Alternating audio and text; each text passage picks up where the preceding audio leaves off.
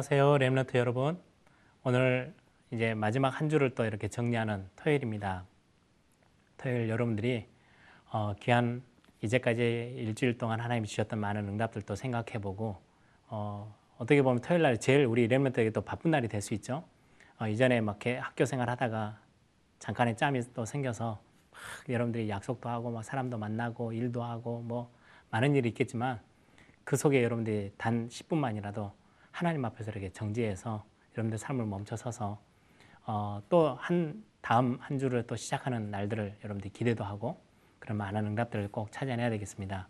또 어, 신학원이 이미 종강했기 때문에 비있는 시간들 여러분들이 잘 활용할 수 있는 그런 응답들 어떻게 보면 더 열리도록 할 수 있는 규모를 여러분들이 찾아내는 그런 시간이 될 수도 있습니다. 꼭 여러분들 토요일 날 귀한 축복 여러분 놓치지 않는 시간이 되기를 바라고요.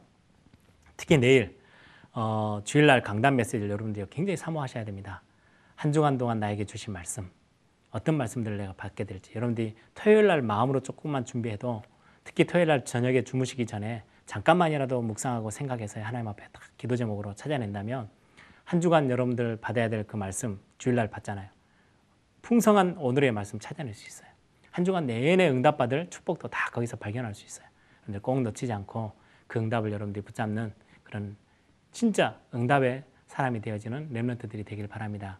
특히 우리 전도자들을 어, 그런 중요한 어, 응답의 비밀들을 전달해주는 모델이 되어지길 바랍니다. 오늘 제목은 사각지대를 찾는 길입니다. 우리 전도자에게 굉장히 중요한 단어가 사각지대라는 단어인데요. 어, 많은 성도들이 못 보고 있는 거죠. 실제 전도자들만이 볼 수 있는 사각지대가 따로 있습니다. 하, 교회 생활 열심히 하면서 전혀 현장에 대한 걸 못 보고 있어요. 사각지대. 막 전도 열심히 하러 뛰어다니는데 실제 감춰져 있는 하나님이 원하는 현장 못 봤다. 그게 사각지대예요.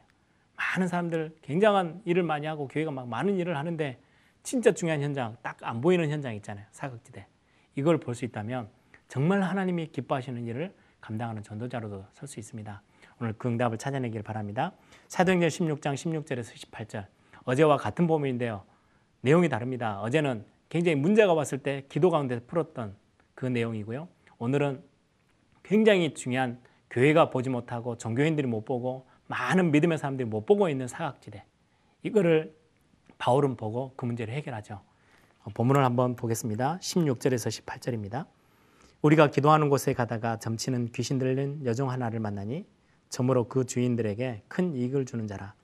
그가 바울과 우리를 따라와 소리질러 이르되 이 사람들은 지극히 높은 하나님의 종으로서 구원의 길을 너희에게 전하는 자라 하며 이같이 여러 날을 하는지라 바울이 심히 괴로워하여 돌이켜 이 귀신에게 명하여 예수 그리스도의 이름으로 내게 내가 내게 명하노니 그에게서 나오라 하니 귀신이 즉시 나오니라. 아멘. 서론을 보겠습니다. 우리가 차를 운전할 때 딱 안 보이는 곳 있죠. 다 백밀러, 뭐 룸밀러, 저 사이드 밀러에서 다 보여지는데 딱 안 보여지는 사각지대가 있습니다. 그걸 보고 사각지대라고 하는데요. 아무도 보지 못하는 곳이죠. 성경을 보면은요. 귀신 들린 자 굉장한 사각지대입니다. 거의 신앙생활 열심히 한다는 사람도 모르는 현장이에요. 교회가 막 전도 막 포스터 붙여놓고 다 하는데 진짜 모르는 현장이에요. 많은 목회자들이 신학자들이 전혀 알지도 못하고 보지도 못하고 느끼지도 못하는 현장 사각지대 굉장히 많이 있죠. 그걸 우리가 보고 거기에 복음을 가지고 그리스도의 이름으로 답을 줄 수 있는 거. 어, 참 전도자가 해야 될 일이죠. 귀신 들린 자, 자신의 지도자라고 착각하고 귀신 들린 자의 말을 따라 인생을 결정하고 그 수익으로 살아가는 사람들이 많이 나오죠. 귀신 문화를 자연스럽게 받아들이는 것이 오늘날의 가장 큰 문제이기도 합니다. 그 말은 영적인 사실은 모른다는 말이 되죠. 어떻게 하면 사각지대를 발견하고 살릴 수 있을까요? 이게 전도자의 고민이고 전도자의 기도의 제목이 되어야 됩니다. 첫 번째입니다. 복음을 아는 자에게 사각지대를 하나님이 알려주십니다. 복음 없으면 사각지대를 알아도 뭐 필요가 없죠. 귀신 섬긴다. 다 귀신 섬기러 가지. 그 사람들을 살려낼 수 있는 답은 복음밖에 없는데요. 그래서 복음 아는 사람에게 하나님 사각지대를 알려주십니다. 하나님은 복음을 가진 사람에게 사각지대를 보여주시는 거죠. 예수가 그리스도라는 언약과 하나님의 나라, 성령 충만의 비밀. 이번 한 주 동안 계속 이 본문들이 반복되어졌죠. 이 비밀을 누리는 자에게 무엇으로도 막을 수 없는 바람과 불 같은 역사로 증거를 주십니다. 이 증거를 가지고 무너져가는 사각지대를 살리는 거죠. 이때 교회에서는 말씀이 성취되어지고 현장에는 하나님의 역사를 체험하게 되어지는 응답이 오는 거예요. 복음 가진 교회, 복음 가진 사람에게 하나님 사각지대를 보이게 하셔서 거기를 치유하고 복음으로 살릴 수 있도록 은혜를 주신다는 말씀이죠. 두 번째입니다. 영적 문제를 아는 자에게 사각지대를 열어주십니다. 복음의 맛을 알고 전도한다면 사각지대가 보이게 되죠. 진짜 전도의 복음을 눈을 탁 뜨고요. 전도라는 관점으로 현장을 보면 많은 사각지대를 볼 수 있죠. 버려진 사각지대가 재앙지대로 변해가고 있습니다. 곳곳이 말, 무속, 점술, 우상에 빠져가는 사각지대고요. 거의 대부분의 사람들이 거기 다 매여 있죠. 사람들은 이 속에서 방황하고 있습니다. 길을 잃어 갈 곳이 없는 거죠. 하나님은 우리를 통해 사각지대를 살리기를 원하시고 계십니다. 복음 가지면 살릴 수 있어요. 마지막입니다. 영적 권세를 아는 자에게 사각지대를 준비하십니다. 흑암 세력을 알고 있는데 그걸 이길 수 있는 답을 모른다. 그러면은 봐도 뭐 소용이 없는 거지만 하나님은 영적인 어마어마한 권세, 이 비밀을 알고 있는 자에게 사각지대를 준비해 놓고 거기를 살릴 수 있도록 응답을 주시는 거죠. 성전 미문에 안전병이를 일으킨 나사렛 예수 그리스도의 이름 우리에게도 주셨습니다. 명령하자마자 귀신이 즉시 떠나는 예수 그리스도의 그 이름 오늘 본문에 나온 거죠. 바울은 이걸 알고 있었던 거예요. 예수 그리스도 이름으로 명령하니까요. 귀신이 즉시 그 자리에서 떠나갔죠. 이 이름을 그리스도의 이름을 믿음으로 붙잡기만 하면 이 응답은 오게 됩니다. 나사렛 예수 그리스도의 이름으로 기도하면 반드시 응답되기 때문이죠. 여러분들 왜 나사렛 예수 그리스도냐? 다른 예수가 아니고요.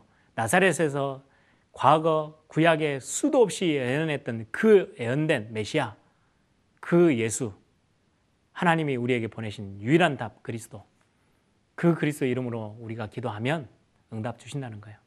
그 이름의 권세로 흑암 세력, 귀신의 세력들 다 쫓아낼 수 있어요. 그래야 사각지대를 살리는 거죠. 오늘 우리의 기도의 제목이 되고 여러분들 중요한 전도자의 축복을 찾아내는 하루가 되길 바랍니다. 오늘 포럼의 주제입니다.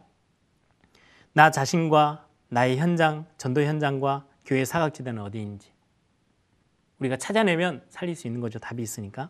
사각지대를 보면서 그리스도의 이름을 붙잡고 결단하면서 한번 정말로 오늘 그리스도의 이름으로 사용하면서 권세를 누리는 축복이 있기를 바랍니다. 기도하겠습니다. 좋으신 아버지 하나님, 많은 교회가 있고, 많은 복음 가진 사람들이 있고, 목회자가 너무 많은데, 실제 하나님이 가장 안타까워하는 사각지대, 그들을 살리지 못해서 그들이 재앙지대로 변해가고 있는 그 모습을 복음 가진 자에게, 또 정말로 복음 전할 사람에게, 영적 문제가 무엇인지 알고 영적 권세가 무엇인지 알고 있는 사람들에게 이 사각지대를 보여주신다고 말씀합니다. 하나님, 우리에게 이 눈을 뜨게 하셔서 올바른 전도로 하나님 앞에 큰 영광 돌릴 수 있는 귀한 전도자의 삶을 살아가도록 하나님이 축복해 주옵소서. 주 예수 그리스도의 이름으로 기도합니다.